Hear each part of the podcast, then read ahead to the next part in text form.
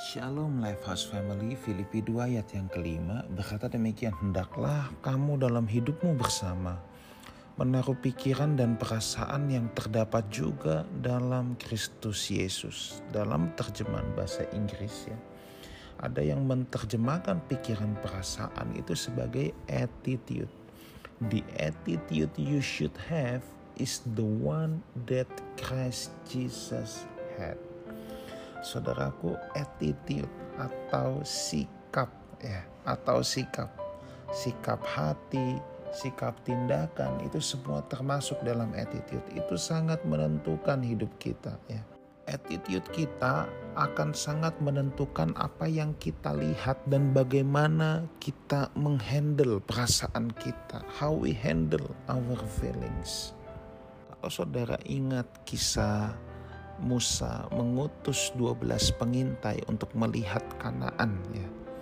Di sana saudara bisa melihat bahwa dari 12 pengintai ketika melihat Kanaan yang sepuluh melihatnya adalah yang ada di Kanaan itu orang-orang enak raksasa. Ketika mereka pulang buat laporan sama Musa, mereka hanya bilang, "Wah, kita bisa mati deh kalau ke situ." Kita bisa mati, kita bisa ditelan hidup-hidup di sana orangnya gede-gede, orang raksasa semua. Tetapi kenapa bisa Yosua dan Kaleb membawa beritanya lain? Kejadiannya sama, apa yang dilihat sama, tetapi apa yang dilaporkan ke Musa itu berbeda. Yosua dan Kaleb melaporkannya beda bahwa Kanaan memang tanah yang sangat baik, tanah yang sangat baik dan itulah negeri yang harus kita tuju. Nah, apakah Yosua dan Kaleb berbohong? Tidak. Apakah ke sepuluh pengintai lain berbohong? Tidak. Lalu apa yang membedakan? Yang membedakan adalah attitude mereka. Sebab attitude memang akan menentukan apa yang kita lihat dan bagaimana kita menghandle perasaan kita. Nah, itu sebabnya saudara ya.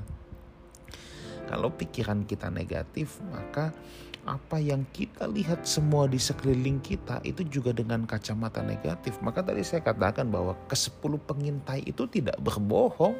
Memang kenyataannya di kanaan itu ya banyak orang-orang raksasa, orang-orang kuat, orang-orang enak.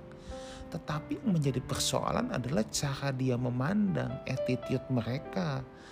Ya. Sedangkan Yosua dan Kaleb dia tidak melihat raksasanya, dia tahu ada raksasa, tapi attitude mereka memutuskan bahwa inilah tanah yang Tuhan janjikan, maka raksasa itu bukan sebuah halangan.